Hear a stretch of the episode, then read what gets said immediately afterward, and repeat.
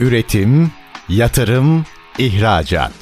Üreten Türkiye'nin radyosu Endüstri Radyo sizin bulunduğunuz her yerde. Endüstri Radyo'yu arabada, bilgisayarda ve cep telefonunuzdan her yerde dinleyebilirsiniz. Endüstri Radyo.com Buket Calp'in hazırlayıp sunduğu içimizdeki yenilik programı başlıyor. Kobilerin Sesi Radyosu Endüstri Radyo'da içimizdeki yenilik programında ben Buket Çarp'le olan birlikteliğiniz başladı efendim. Biliyorsunuz sizlerle birlikte her hafta birbirinden değerli konuklarımızı ağırlıyor ve onlarla birlikte inovasyon, teknoloji, girişimcilik konuşuyoruz. İşte yine bu hafta çok değerli bir konuğumuz bizlerle birlikte. Efendim kendisi yazılımcı, yazar, eğitmen ve bir AI developer'ı Zafer Demirkol hocamız bizlerle birlikte. Zafer hocam hoş geldiniz. Hoş bulduk, teşekkürler. Konuk olduğunuz için çok teşekkür ediyorum hocam. Ben de teşekkür ederim beni çağırdığınız için. Benim için çok heyecan verici bir program olacak. Çünkü ben sizin e, kitlesel bir hayranınızım aslında. Zafer hocam dilerseniz kendinizi tanıtın. Dinleyicilerimiz sizleri tanısınlar. Buyurun lütfen. Çok uzun kendimi tanıtmayacağım. Yani esas olarak yazılımla uzun yıllardır 35-40 yıldır yazılım geliştiricisiyim. 15 yaşından beri, 16 yaşından beri. Ondan sonra işte bir mühendislik eğitimim. Daha sonra bir özel sektörde çalışmışlığım var değişik konularda ama esas itibariyle işin odağında sürekli yazılım geliştirme ve son zamanlarda da yapay zeka uygulamaları geliştirme teknik anlamda ve bunları kullanma üzerine çalışıyorum. Bu konularda kitaplarım var. Üniversitede eğitimler veriyorum. Seminerler veriyorum. Kurumsal şirketlerde konuşmalar yapıyorum. Demin bahsettiğim konularla ilgili. Temel itibariyle kısaca böyle tanıtayım. Çünkü çok uzun oralara girersek.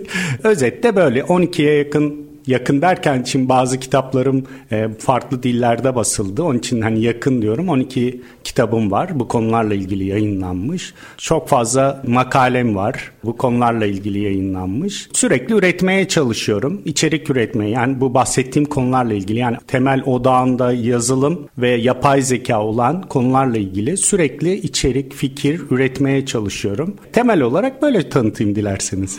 Harika. Gerçekten programlara sığmayacak bir tecrübe ve deneyim var. Teşekkürler. Ee, çok heyecan verici. Birçok kitabınız var ama bugün özellikle herkes için yapay zeka kitabından e, bahsedeceğiz. Şu anda masamızda bulunan zaten. Birazdan e, imzanızı da alacağım. Oradan size sorular hazırladım. Hocam şimdi aslında biz programımızda inovasyon konuşuyoruz. Ben inovasyon konusunda bayağı dertli bir buketim. Çünkü yazdım çizdim ama istediğim geri bildirimi alamadım. Okumuyorlar diye fark ettim insanlar maalesef. Ben de dinlesinler diye aslında bu programı çekmeye e, harika, gayret ediyorum. Harika. E, dolayısıyla ben ilk soruyu herkese aynı hazırlıyorum hocam. Zafer Demirkol için inovasyon nedir, ne değildir? Buyurun lütfen. Valla yani kişiye göre tanım değişiyor mu bilmiyorum ama yani ben bu konuda da hani bizzat inovasyon konusunda da çok yani konunun kendi özünde kafa yormadım ama benim bildiğim kadarıyla ya da yaşadığım kadarıyla yenilikler yapmak, yeni bir şeyler üretmek veya da yeni şeylerden farklı yine bir şeyler üretmek geliyor bana inovasyon denilen olay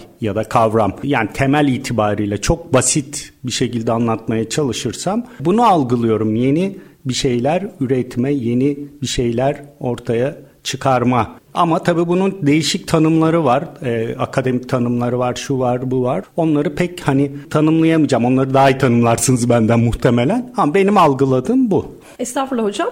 Gerçekten inovasyon aslında herkesin hayatında ve herkesin e, deneyim iş hayatında aslında bir yeri ve tanımı var. Ben de bunun peşindeyim aslında. Programımızın zaten çıkış noktası da bu. İçimizdeki yenilik. Yani herkes için yapay zeka demişsiniz. Ben de herkes için inovasyon demek istiyorum müsaadenizle. Ve hemen bu kitabınızla ilgili bazı sorular yöneltmek istiyorum hmm. size. Bu kitap aslında çok yalın bir anlatımla hazırlanmış bir kitap. Yani hiç bilmeyen bir ilgilinin bile hani alıp başlayıp e, belli bir noktaya gelebilecek kadar güzel hazırlanmış. Çok e, güzel bir algoritması olan kitap. Şimdi kitapta özellikle aslında yapay zekayı da konu olan veri nedir? Yapay hmm. zekayı konu olan veri nedir sorusuyla başlayalım mı? Buyurun hocam. Tabii. Yani şimdi bu kitap aslında kendisi de bir inovasyon ürünü.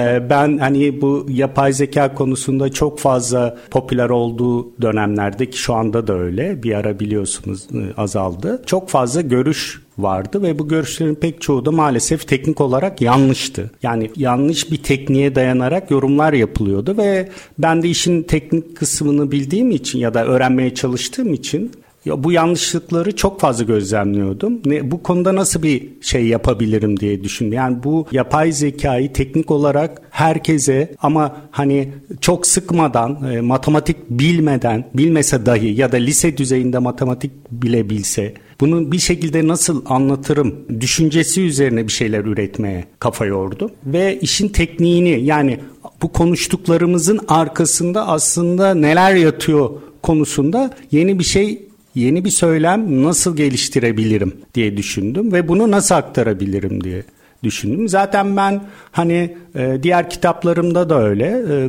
konuyu en basit şekilde anlatmayı hedeflerim her zaman ve basit anlatmak da aslında zor iştir. Çünkü çok bilgi gerektirir basit anlatmak. Yani öncesinde çok birikim, deneyim gerektirir. O birikim ve deneyime ulaştığımı hissettiğim anda bunu basit yazabileceğimi düşündüm ve bu kitabı oluşturmaya karar verdim ve bu kitapta da aynen sizin dediğiniz gibi yani herkesin adında da olduğu gibi herkesin anlayabileceği şekilde yapay zekanın temel kavramlarını anlatmaya çalıştım. Şimdi sorunuza dönecek olursak veri nedir dediğimiz zaman aslında şu anda hani bunu yine demin sorduğunuz soru gibi pek çok yanıtı var. Veri aslında hani yapay zeka çerçevesinden bakarsak ana kurgusunun üç maddesinden biridir yapay zekanın. Üç ana kavramından biridir. Belki birazdan değiniriz yapay zekanın temel yapı taşları nelerdir diye. Bunun aslında üç tane temel disiplini ya da altyapısı vardır diyebiliriz. Bu üç taneden birisidir veri. E, veri dediğimiz ne? İşte etrafımızda bilgiye dönüşebilen en ufak parça diyebiliriz buna. En ufak parça ama tek başına veri yeterli olabiliyor mu tek başına? Yetmiyor tabii. Yani onun bilgiye dönüşmesi lazım. Ama o bilgiye dönüşebilen en ufak parça diyebiliriz. Hani çok soyut tanımlamak gerekirse. Gerçekten ben de bu yalın anlatım e, konusunda e, sizinle aynı düşüncedeyim. Yapay zekanın herkes için ulaşılabilir bir yani demokratize edilmiş bir yapay zeka ekosistemi için bir şeyler yapmak çok kıymetli diye düşünüyorum. Çünkü hayatımızın artık artık kendisi. Hayatımızın içinde değil, hayatımızın artık kendisi ve önümüzdeki Doğru. dönemlerde de bu daha da artacak. Doğru. Yapay zeka ile ilgili belki biraz daha derinleşecek olursak hocam. Hı-hı. Hani bir şeyleri bilmediğimiz şeyleri tanımlamada çok kullandığımız yöntemler var. Hı-hı. İşte bunlardan bir tanesi de 5N1K. Yapay zekanın 5N1K'sı olsaydı bunlar neler olurdu? Buyurun lütfen. Şimdi 5M1K aslında genelde habercilik veya işte habercilik üzerine geliştirilmiş bir kavram. Yani onu tam olarak bilmiyorum ama eğer yapay zekayı hani ona uyarlayacak olursak teknolojisini yani teknolojileri tanımlamak için 5M1K bir modele çevirecek olursak teknolojiyi tanımlama modelini yapay zeka için e, şunu söyleyebiliriz. E, demin söylediğim konudan devam edelim aslında. Veriden başlamıştık. Üç tane temel yapısı var demiştik ve yapay zekanın altyapısını oluşturan. E, bir tanesi demin söylediğimiz veri. Diğer ikisi ise işte algoritmalar, matematiksel algoritmalar. Üçüncüsü ise hesaplatma. Şimdi bu üç tane disiplin ya da temel yapay günümüz yapay zekasını oluşturuyor. Şimdi günümüz yapay zekasını yani günümüz kavramını tırnak içinde vurguluyorum ve dilerseniz birazdan da buna değinir. Çünkü bu da çok karıştırılan bir kavram. Yani günümüz yapay zekasını özellikle günümüz diye vurguluyorum. Çünkü yapay zeka yani günümüz yapay zekasını genel yapay zeka ile yani insan yapay zekası ile çok fazla karıştırıyor konuşmacılar veya bu konuda içerik geliştiriciler, söylemde bulunanlar. Dolayısıyla belki birazdan yine bunu ayrıntılandırırız. Günümüz yapay zekasının 5'en 1 kası bu 3 tane altyapı veya disiplin diyebilirse bu 3 disiplin altyapıda kendi alt branşlarına ayrılıyor. Onlara da gerekirse değiniriz ama yani günümüz yapay zekasını oluşturan 3 temel yapı var. Veri, hesaplatma bakın programlama demiyorum. Dikkatinizi çekiyorum.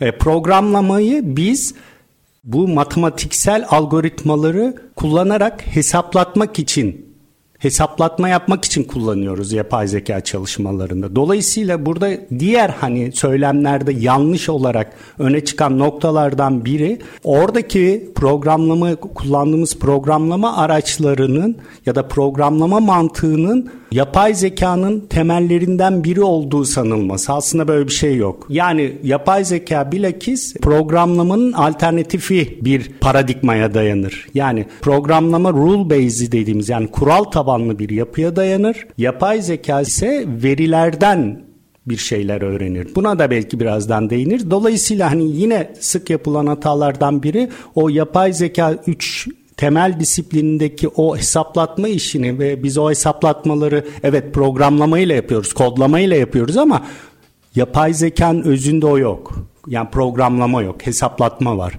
Şimdi bunu da bir netleştirmek lazım. Dolayısıyla bunları bu kavramlara açıklık getirmekte fayda var yani. Yani hocam programlama bilmeyen birisi yapay zeka geliştirebilir mi? Ya şöyle şöyle geliş yani demin üç tane disiplin var dedim. Programlama bilmek orada çok ileri düzeyde programlama bilgisi gerekmiyor açıkçası. Yapay zeka uygulamaları geliştirmek için. Ama temel düzeyde veya bir tık onun ötesinde bir programlama becerisi gerekiyor ama bunu yapay zekanın temel altyapısı için değil, o hesaplatmaları yaptıracak ara birimleri kullanabilmesi için gerekiyor. Yani yapay zekanın özünde programlama yok, yok onu aslında, söylemeye çalışıyorum. Aslında algoritma geliştirmek var. Evet yani aslında yapay zekanın özünü e, matematiksel algoritmalar oluşturuyor. Yani işte bir sürü e, günümüz yapay zekasının özünde derin öğrenme dediğimiz evet. bir algoritma var. Onun işte matematiksel karşılıkları var. Buna dayalı öğreniyor yapay zeka veya günümüz uygulamaları buna dayalı çıkıyor. Yoksa altında programsal bir mantık veya işleyiş yok. Bu ayrımı iyi yapmak lazım. Yani matematik var yani onu söylemeye çalışıyorum. Evet. Yani evet. şöyle özetleyeyim pardon. Estağfurullah. E, sözünüzü kestim. Buyurun. Bu üç şey şöyle çalışıyor üç disiplin matematiksel algoritmalar mevcut verilere dayanarak bir takım hesaplamalar yaparak yapay zekayı oluşturuyor. Bu hesaplamaları yaptırmak için de programlama kullanıyoruz o kadar. Yani aslında yaptırdığımız hesaplamalar toplama çıkarma o da. Yani bildiğiniz toplama çıkarma. Basit matematiksel Basit, işlemler. Ama bunu milyarlarca kez yaptırtıyoruz. Aynen. Kesinlikle. Makineye matematik öğretiyoruz. Aynen öyle. Şimdi hocam bu bölüm için kısa bir es verme vakti geldi. Ama bu bölümü toparlayacak olursak yapay zeka ile ilgili doğru bilinen çok fazla yanlış var. Evet. Bu kirliliği ortadan kaldıracak belki projeler, hareketlere evet. E, geçmek lazım. Bir şeyler yapmak Yıllardır lazım. onu yapmaya çalışıyorum. Yıllardır işte kitaplar yazarak, makaleler yazarak, işte sosyal paylaşımlarda bulunarak yanlışları düzeltmeye çalışıyorum. Evet. Çünkü bu yanlışlara dayanılan kullanılarak yapılan yorumlar bizi yanlış noktalara götürüyor. Kesinlikle. Ee, abartılı beklentilere götürüyor. Mesela demin söylediğim bir yanlış. Günümüz yapay zekasının sanki insan zekası gibi sunulması bu büyük bir yanlış. Bu tabii doğal olarak insanları büyük beklentilere sokuyor. Bu biz bunu geçmişte yapay zekanın tarihinde yaşamışız. Yaşadık. Bazılarını ben canlı yaşadım, bazıları daha önceden de yaşamış. Yani siz anormal büyük beklentiler yüklediğiniz zaman bir teknolojiye insan onundaki beklenti de onu aşabiliyor. Aynı şeyleri biz internette de yaşadık. Şu an internette yapmak istediğimiz şeyleri 90'lı yıllarda yapmak yapmak istedik. Çünkü aslında görünüşte, bakışta bütün o şeyleri yapabilecekmişiz gibi gözüküyordu. Yani online işlemler, canlı yayınlar, şunlar 90'lı yıllarda bütün bunları yapmak istedik. Kağıt üzerinde de sanki mümkünmüş gibi gözüküyordu ve bir miktarında yapabildik fakat altyapılar buna müsait değildi çöktü sistemler ve yapamadık ve insanlar uzaklaştı internetten. Aynı sıkıntıları yapay zeka da yaşıyor ve şu anda ki tehlike de bu aslında. Yani baktığınızda yapay zeka konusunda şu anki abartı bizzat yapay zeka teknolojilerine zarar verebilecek bir durum. E, bir sonraki bölümde bunu daha detaylı evet. konuşalım ama şimdi küçük bir ara. Tamam. Buyurun lütfen. Üretim, yatırım, ihracat. Üreten Türkiye'nin radyosu Endüstri Radyo sizin bulunduğunuz her yerde. Endüstri Radyo'yu arabada, bilgisayarda ve cep telefonunuzdan her yerde dinleyebilirsiniz. Endüstri Radyo.com İçimizdeki yenilik programı Bendeniz Buket Çarp'a devam ediyor efendim. Bu hafta çok değerli bir konumuz bizlerle birlikte. Kendisi yazar, eğitmen, bir yazılımcı aslında. Zafer Demirkol hocamız bizlerle birlikte. İlk bölümde yapay zeka ile ilgili sorularımı yönelttim kendisine. Yapay zekanın 5'en 1K'sını konuştuk ve özellikle kendi kitabı olan Herkes için Yapay Zeka kitabından bahsettik kısaca. Dilerseniz bu bölümde biraz daha derinleşelim hocam. Şöyle bir soru yöneltmek istiyorum. Şu an e, çok severek daha önce okudum okuduğum, şu an tekrar okuduğum bir kitap var. Mark Twain'e ait. İnsan Nedir kitabı. Bu kitapta yaşlı adamla yazar bir konuşma yapıyor. Bir diyalog var. Ve bu diyalogun sonunda e, makine nedir diye başlıyor. Tabii o zamanlar 1800 yıllar buharlı makineler var. E, bunun üzerinden gelişen diyalogta insan nedir'e kadar bir çıkarım yapıyorlar. Şimdi şu anda şu anki teknolojide e, aslında öğrenen makinelerimiz var değil mi? Öğrenen e, makine nedir sorusuyla başlayıp işte makine nasıl öğrenir diye de belki oraya bir ekleme yapabiliriz. Bu öğrenen makinelerden yola çıkarak bu çağdaki insan nedir'e gelmek istiyorum. Çok böyle felsefik derin bir soru ama yani tecrübenize yaraşır bir soru harika, sormak için çok harika uğraştım. Harika bir soru. Buyurun. Yok harika yok e, harika bir soru. Şimdi aslında ben de siz sorarken dikkat ettim. Makina yıllar içinde şey değiştirmiş yani somutluk değiştirmiş, şekil değiştirmiş. Yani buharlı makinalardan günümüzde kastedilen makinalar aslında bilgisayarlar. Dolayısıyla aslında oradaki makine jenerik bir kavram.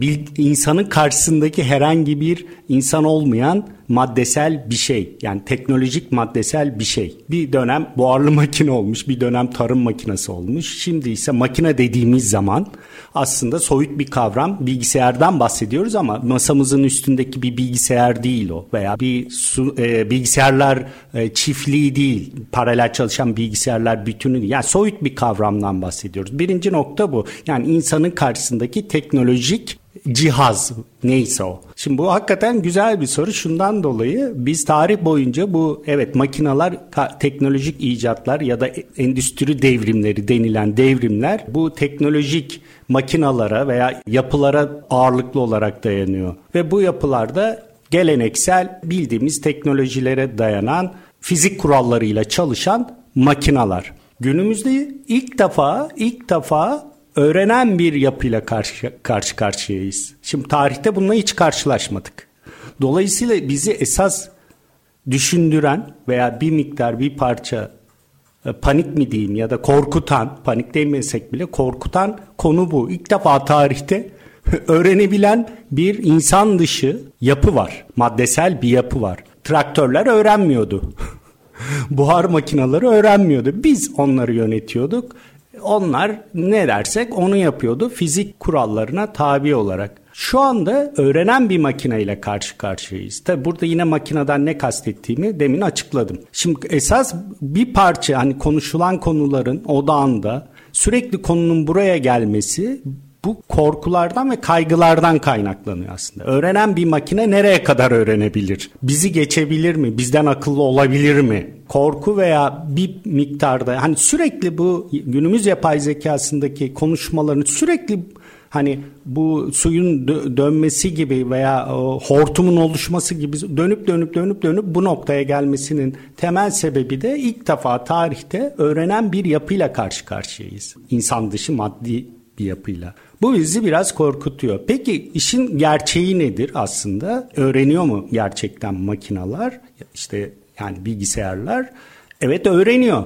Doğru. Belki birazdan detayları değiniriz. Öğreniyor ama bu bizim anladığımız anlamda bir öğrenme değil. Yani insansı bir öğrenme değil. Yani bilişsel süreçlerden geçerek oluşan bir öğrenme paradigması yok günümüz yapay zeka. Bakın tekrar altını çiziyorum. Günümüz yapay zeka yapılarında. Dolayısıyla evet öğreniyor. Makine öğrenmesi diyoruz biz buna. Makine öğrenimi veya öğreniyor. Nasıl öğreniyor sorusunu demin sorduğunuz sorunun içinde. Şöyle öğreniyor. Programın ilk bölümünde de bahsettiğimiz gibi mevcut verilerden, bizim ona verdiğimiz verilerden matematiksel algoritmalara dayalı olarak Öğreniyor ama neyi öğreniyor? Biz ona ne verdiysek. Mesela yüz tanımayı mı öğrenmesini istiyoruz veya Zafer'in yüzünü tanımasını öğrenmesini mi istiyoruz?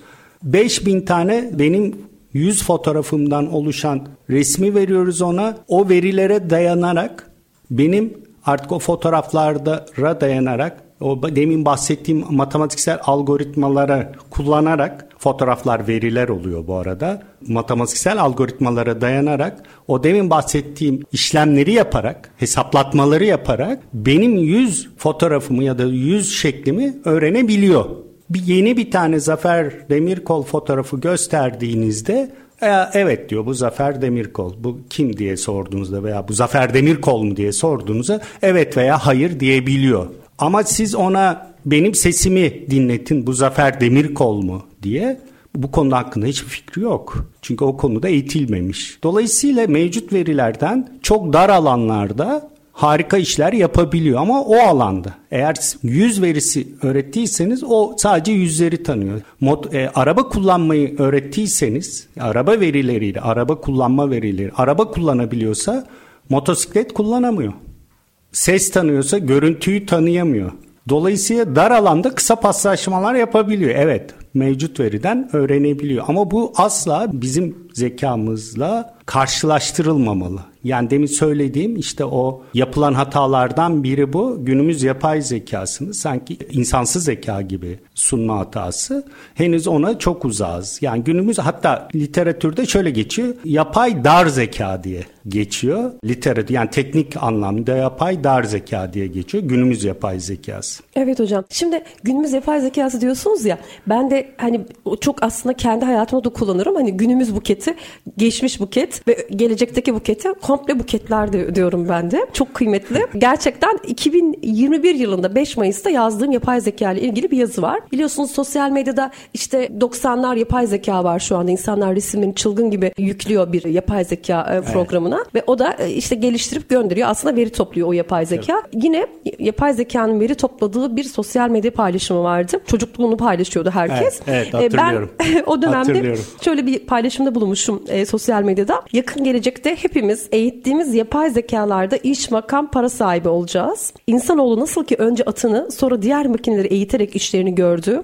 Yapay zeka ile de aynı süreci işleterek varlığını sürdürmeye devam edecek. E, yapay zekanın sizin kim olduğunuzu ele verecek. Biraz magazinsel girmişim burada da. Oluşturduğunuz veri setlerinin işlevselliği sizi diğerlerinden bir adım öne geçirecek yegane etmen olacak. Soru şu, yapay zekanı nasıl eğitirsin diye bitirmiş. e, aslında şöyle de paylaşımın görselinde de 7-8 fenomene para ödeyerek challenge yaptırarak yapay zekayı veri topluyorlar diye bir şey var. Çok kıymetli. Şimdi bu yapay zekaya hizmet eden insan, hani insan nedir diye sordum. Yapay zeka çağında insan nedir? Biz yapay zekaya hizmet eden veri yaratıcıları mı olacağız? Ne olacağız hocam? Biz çok kısa cevap vermek gerekirse yapay zeka geçen bir programda da söyledim. Yapay zeka takım oyuncuları olacak. Biz takımın yıldızları olacağız. Çok güzelmiş. Yapay zeka aslında tam tersi bizim kullanacağımız diğer teknolojik araçlar gibi, aletler gibi aletler ya da uygulamalar olacak. Biz ise onları kullanan tarafta olacağız ve yaratıcı kısmını, rutin kısmını ve gelişime açık olan kısmını yine insan oluşturacak. Benim görüşüm bu. Çünkü bütün bizim tanımlanabilen katalog işlerimizi, kağıda dökebildiğimiz, tanımlayabileceğimiz bütün veya bir miktar angarya dediğimiz işlerin hemen tamamını yapay zeka yapacak. Kalan kısmı ne olacak? Tabii aynen sizin konunuzda olduğu gibi inovasyon yani nasıl bir yenilik yaratabilirim? Çünkü yapay zeka işte demin de konuştuk mevcut verilerden öğreniyor. Aslında kendisi de bir takım inovatif şeyler geliştiriyor. Aslında üretken yapay zeka dediğimiz olay yani yeni bir şeyler üretiyor. Evet ama mevcut verileri bir araya getirerek yeni şeyler üretiyor. Burada bir yaratıcılıktan ne kastettiğimiz çok önemli. Yeni şeyler yaratıyor ama e, mevcut veriden oluşturuyor, oluşturuyor. Şimdi insansı yaratıcılık diye bir kavram konuşmak lazım belki. Belki de hatta hemen e, buna bir bağlantılı soru olduğunu düşünüyorum. Cehaletimi bağışlayın lütfen. Bağlantı kurdu beynim ama belki de bağlantılı değildir bilmiyorum. E, özellikle yani bu yapay zekalar birbirleriyle nasıl iletişime geçecek? Yapay zekalar işte nasıl görüyor, efendime söyleyeyim nasıl öğreniyor, nasıl konuşuyor, nasıl duyuyor gibi. Böyle hani yine insani özellikler var bakın. Evet. Yapay zeka böyle insanlaştırma gibi bir evet. durum var. Aslında siz o evreni yine insanın ona verdiği o, o uzay evrenini insanın verdiğini söylüyorsunuz. Yani şöyle insansı yapılardan analoji kurarak sorular çıkarmak aslında bir miktar yanlış. Çünkü demin de söylediğim gibi insanlarla şu an günümüz yapay zekasının öğrenme paradigmaları çok farklı. Günümüz yapay zekası altında matematik var ve çok dar alanda matematiğe dayalı işlemler yapıyor. İnsanın öğrenme süreci bambaşka bir süreç. Yani biz bambaşka bir yolla öğreniyoruz. Dokunuyoruz, görüyoruz, tecrübe ediyoruz, birebir yani deneyimliyoruz. Deneyimliyoruz. Bunlardan öğreniyoruz biz. Şu anki yapay zekanın öğrenme süreciyle bizim öğrenme sürecimizin arasında hiçbir benzerlik yok. Dolayısıyla hani o demin bahsettiğiniz e, makinaların birbiriyle iletişime geçmesi gibi bir durum şu günkü teknolojiyle veya şu an kullandığımız yapay zeka uygulamalarında mümkün değil. Ve bu yakın gelecekte de gözükmüyor. Demin bahsettiğiniz süreçler aslında insansı yapay zekaya ait. Yani bilişsel süreçler, bu demin bahsettiğim dokunma, tecrübe etme bunların hepsi görme, koklama, altı duyu, ve bunun yanında artı yani bir, yani biz bilişsel süreçlere dayalı öğreniyoruz aslında. Artı bir de bizim duygularımız var. Artı bir de biz hani daha öğrenme süreçlerimiz de beyinsel karşılığını daha bilmiyoruz tam olarak. Dolayısıyla bunu bilmeden e, insansı bir yapay zekayı oluşturabilmek ne kadar bilimsel oluştuğunu söylemek ne kadar bilimsel. Dolayısıyla yani sorunuza cevap olarak şunu söyleyebilirim. Şu an günümüzdeki teknolojiyi iyi kullanarak yani günümüz paradigmasıyla yapay zekaların birbiriyle konuşması, iletişim kurması, haberleşmesi gibi bir durum söz konusu değil. Ve yakın gelecekte de olabilir bu. Bu yakın gelecekte de gözükmüyor. Yani bir yüzyıl gibi en aşağı gözükmüyor. Belki daha fazla. Onun için bunun için endişelenmek yerine daha bu günümüz yapay zekasını nasıl verimli kullanabiliriz? Nasıl e, inovasyon yapabiliriz? Bunlara odaklanmamız daha bence faydalı olur diye düşünüyorum. Ben de şöyle bir ekleme yapmak istiyorum hocam müsaadenizle. Özellikle Microsoft'un HoloLens 2 e, projesi var, teknolojisi var e, bilirsiniz. Özellikle hani şöyle düşünün. Bu harika aslında teknolojiyle Japonya'daki bir webinara katılıp e, Türkçe konuşarak kendi sesiniz ve kendi vurgularınızla beraber e, Japonca e, aslında sunum yapabilirsiniz. Evet. Yani Japonca öğrenmeden e, Japonca evet. sunum yapabilirsiniz.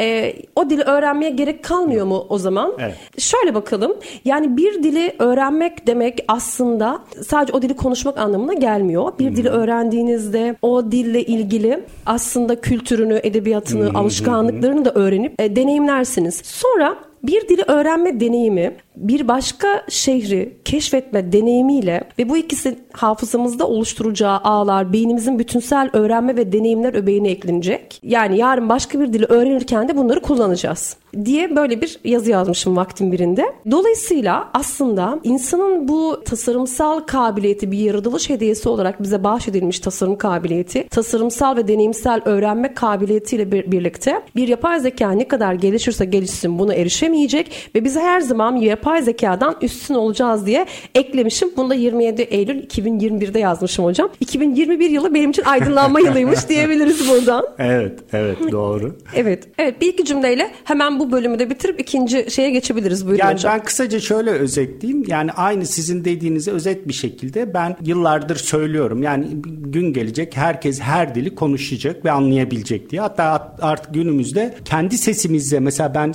kendi ben Türkçe konuşacağım. Kendi sesimle Japonca'ya çevrilecek. Evet. Dolayısıyla o demin söylediğiniz paradigma bambaşka ama dil öğrenmek gerçekten dediğiniz gibi bu mu? Değil. Ya da dille iletişim bu mu? Ee, yani ile insansız süreçte bir dili öğrenmek demek onun kültürünü vesaire demin söylediğiniz şeyler ikisi bambaşka şeyler. Evet. Ama bu çok detaylı bir konu. Dilerseniz birazdan açarız. Peki hocam. Tamam. Bu bölüm içinde kısa bir ara verelim. Sonrasında tekrar birlikte olacağız.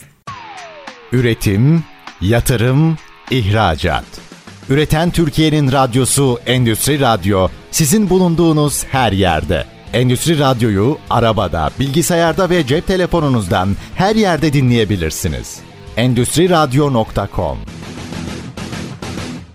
Kobilerin Sesi Radyosu Endüstri Radyo'da ben Buket Çarp olan birlikteliğiniz içimizdeki günlük programıyla devam ediyor. Bu haftaki konu Sayın Zafer Demirkol hocamız. E, kendisi yazar, yazılımcı ve bir yapay zeka geliştiricisi aslında. Hocam dilerseniz bu son bölümde özellikle yapay zeka COBİ'ler için neden önemli? Endüstri süreçlerinde yapay zekayı nasıl kullandırarak, kullanarak işlerini geliştirebilirler? E, bunu konuşalım. Buyurun lütfen. Evet, şimdi özellikle son 2-3 yıldır üretken yapay zeka dediğimiz uygulamalarla muhatabız ve çok fazla gelişiyorlar. Her gün artarak bunlar çoğalıyor. Yani bunun en bayrak şey daha doğrusu bunun başlangıcı ChatGPT hepimizin bildiği. Onunla beraber diğer işte görsel resimler, görseller üretmeye üreten üretken yapay zeka uygulamaları hayatımıza e, son iki yıldır oldukça girdi. Çok hızlı bir şekilde girdi. Yani şöyle özetleyelim. Geçen 10 yıl, bundan önceki 10 yıl bir hazırlık safhasıydı. bundan bir iki üç iki yıl önce hatta üç yıl bile değil iki yıldır hatta son bir yıldır yani son bir yıldır bu üretken yapay zeka uygulamaları hızla yani her gün neredeyse artarak devam ediyor. Şimdi burada gerçekten de bu araçlar yani demin bahsettiğimiz yapay zeka uygulamalarla ürünlerini vermeye başladı. Yani biz bu araçlara dayanarak üretken yapay zeka araçlarına dayanarak yani demin bahsettiğim işte o ürün veya görsel Dolly ürünü olsun yani görsel üretebilen bu veya özetler çıkarabilen işte bir takım raporlardan kod yazabilen üretken yapay zeka uygulamalarıyla karşı karşıyayız. Gerçekten de bunlar çok çarpıcı modeller oldu. Yani o demin bahsettiğim sohbet robotuyla yazıştığınızda karşınızda bir insanla yazışıyormuş hissi doğuyor insanda. Ve çok geliştiler gerçekten. Ve bunlar endüstriyel, kurumsal uygulamalarda daha doğrusu sadece endüstri değil, kurumsal uygulamalarda artık kullanılabilir olgunluğa eriştiler. Yani bir rapor özetlemeden bir görsel oluşturmaya kadar hatta şu anda yani sadece o değil mimariden e, film endüstrisine kadar aklınıza gelebilecek her kulvarda bunlara ait bir takım üretken yapay zeka uygulamaları var. Buradaki sorun aslında ki ben aslında yakın zamanda belki onu da söyleyebiliriz burada. Bu konularla ilgili de hani eğitimler ve özellikle e, kurumlara yönelik eğitimler açacağım. Bunları nasıl kullanıldığına yönelik. Çünkü buradaki sorun şu. Bu araçlar gerçekten gelişkin araçlar, gerçekten işimizi verimli kılan, e, zamanımızı kısaltan, başka şeylere odaklanmamızı sağlayan araçlar ama sorun bizim bunlarla çalışmaya pratiğimizin olmaması. Yani henüz biz hazır değiliz. Gerçekten böyle bir alışkanlığımızın olmaması. Aslında onlar hazır şu anda ama biz bunları nasıl kullanacağımızı henüz daha bilmiyoruz. Bunların anlatılması lazım e, hızlı bir şekilde. Neden? Çünkü demin de söylediğim faydaları var. Yani daha verimli, daha kısa zamanda, daha yaratıcı gerçekten de daha üretken işler yapabilmemizi sağlayan uygulamalar bunlar. Tek sorunumuz bunları nasıl kullanacağız? Bunları işimize nasıl adapte edeceğiz? Ve bunu atıyorum bir rekabet durumu varsa rekabette avantaja veya bir başka bir avantaj sağlamamız gerekiyorsa bunu avantaja nasıl dönüştürürüzü kendimizden başlayarak bütün çalışanlarımıza, kurumlar dahilinde anlatmamız gerekiyor. Ortada zor bir konu yok. Sadece anlaşılmamış bir konu var. Bunun da anlatılması lazım. Evet, bize çok görev düşüyor o zaman hocam. Şimdi burada aslında e, LinkedIn'i çok profesyonel bir şekilde kullanan e, bir içerik üreticisiniz siz aynı zamanda. E, ben çok faydalanıyorum. Çok da öneriyorum alanla ilgili olan ya da olmayan kişilere de öneriyorum aslında. Burada yeni gelişen meslekler de olacak yapay zeka ile birlikte deniyor. Şimdi prompt mühendislik diye bir yeni bir alanda açıldı. Biraz bundan bahsedebiliriz. Yapay zeka alanında kariyer yapmak isteyen kişiler, gençlerimiz, öğrencilerimiz ya da bin gibi kişiler, profesyonel iş hayatının içerisinde olan kişiler neler yapsınlar, nereden başlasınlar? Birazcık bu dünyaya girelim isterim. Buyurun lütfen. Şimdi dilerseniz önce prompt engineering'den bahsedelim. Evet enteresan yani böyle bir e, işin içinde mühendislik lafı da geçiyor. Aslında günümüz üretken yapay zekasını kullanırken biz e, bunlar text to image, text to text gibi ya text to speech gibi uygulama yani metinden sese, metinden metine, e, metinden resme dönüştürülen uygulamalar aslında. Burada da biz e, derdimizi aslında günümüzde ağırlıklı olarak yapay zeka, yani üretken yapay zeka uygulamalarına metin gir yazı girerek yani prompt dedikleri şey metin aslında metin girerek yani derdimizi anlatıyoruz. Şu nedir veya şu yapının şu ekseninde şöyle bir parametre verirsek ne sonuç alırız gibi bir takım metinsel sorular soruyoruz. İşte buna prompt deniyor. Prompt engineering de aslında doğru soru sormak. Doğru e, siz hangi konuda soru soracaksanız onu mümkün olduğunca soruya odaklı, mümkün olduğunca detaylı yapabilmek, o soruyu oluşturabilmek. Aslında burada enteresan bir durum da var.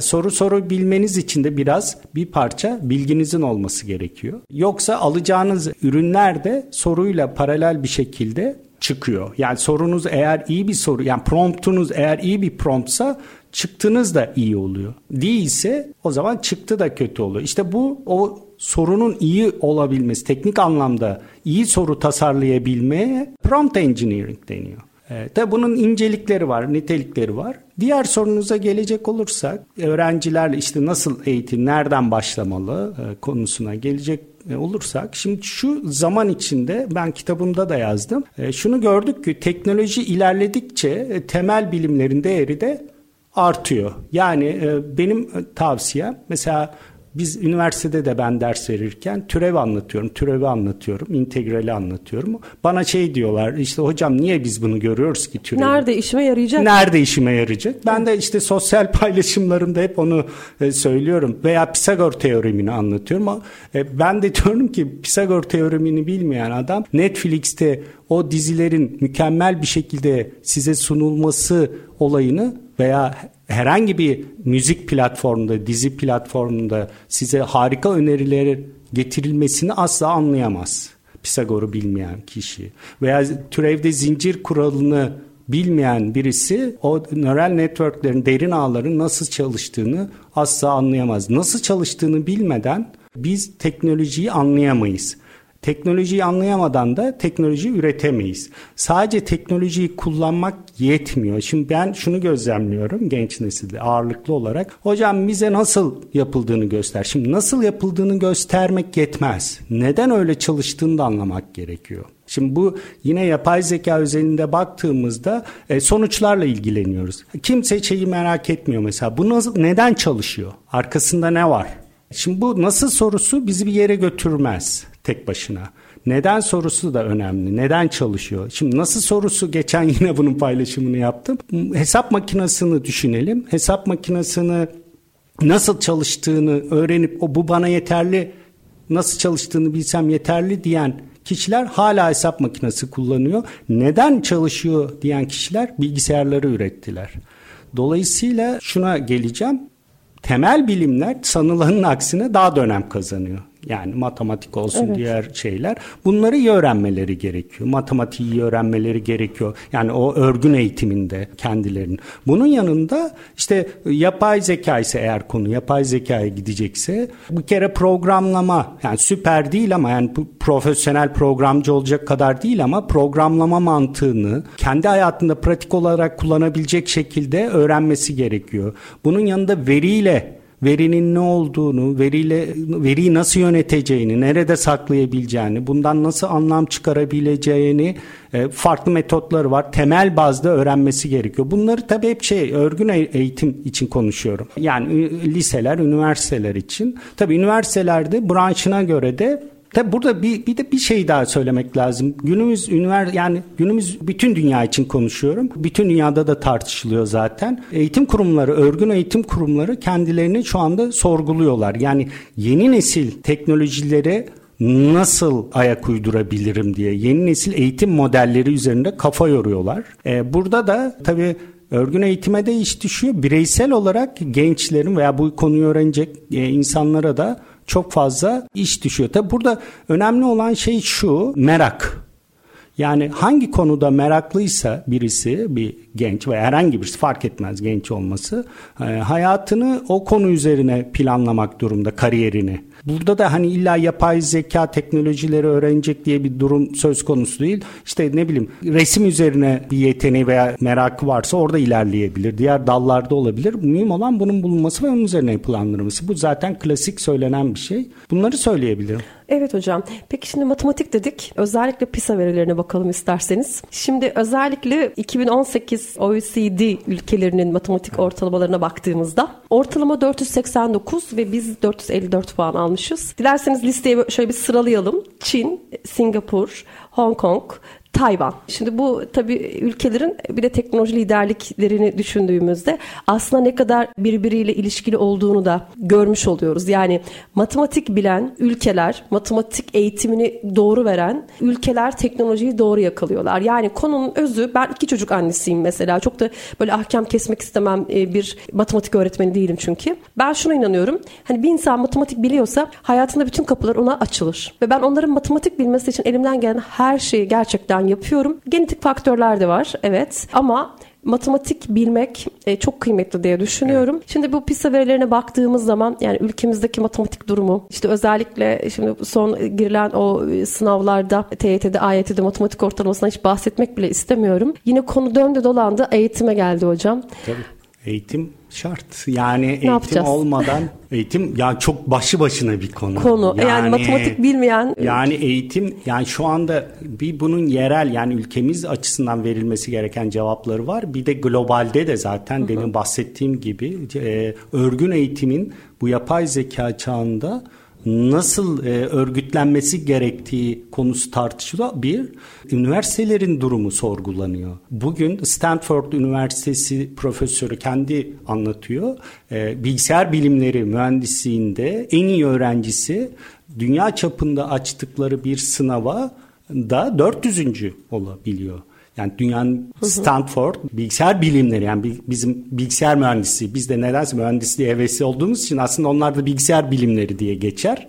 Bizde bilgisayar mühendisi diye geçer. Yani bilgisayar mühendisliği bölümü dünyanın bir veya iki numaralı şeyidir Stanford, Harvard, Stanford ya da MIT üç tane var zaten dünya çağın söz sahibi olan yani dünya bazında. Stanford'un en iyi bilgisayar e, bilimleri öğrencisi aynı sınavda 400. olabiliyor. E, şimdi e, dolayısıyla bütün Üniversitelerde şu anda aslında bazı hocalarımıza göre ki ben bu konuya katılıyorum görüşlerine geçen yüzyıldan kalmış modellerle çalışıyor. Şimdi eğitim araçlarını yani şimdi çocuklarımızı görüyorsunuz işte o video platformlarında sürekli onları izleyerek saniyede 50 hertzlik bir uyarıma muhatap olarak bu titreşimle sürekli uyaranlarla hayatını geçiriyorlar. Siz ona hadi kitap oku dediğiniz zaman ondan uzaklaşıyor. Ebe, elbette okumayı, o sabrı öğretmemiz gerekiyor. O disiplini vermemiz lazım ama eğitim araçlarımızı da yeni nesil durumlara göre ve eğitim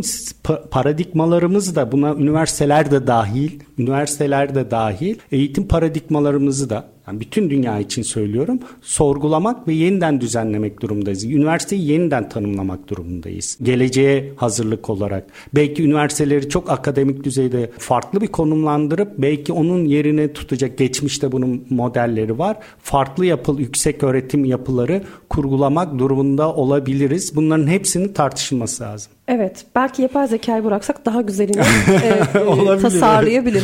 Yani doğru. bundan daha iyisini yapacağına eminiz. Çünkü Olabilir, bundan daha doğru. kötüsü en azından olamaz. danışmalıyız yani bence. Kesinlikle.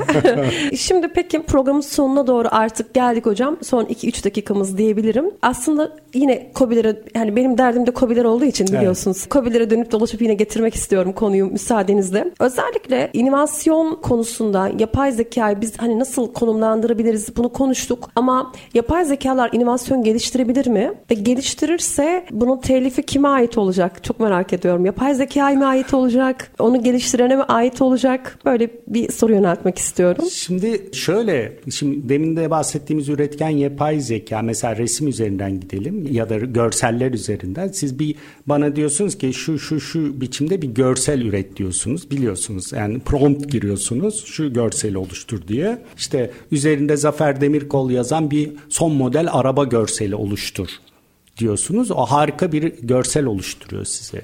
E şimdi buna üretkenlik diyebiliyorsak evet yani kullandığımız ya da inovasyon diyorsak yani o yeni görsele yeni yepyeni bir görsel çünkü o dünyada işi benzeri yok onun ürettiğin o anda. Buna inovasyon diyorsak zaten üretken yapay zekayla biz sürekli bir prompt yazdığımızda ve onun sonucunu aldığımızda sürekli bir inovasyon geliştiriyoruz aslında.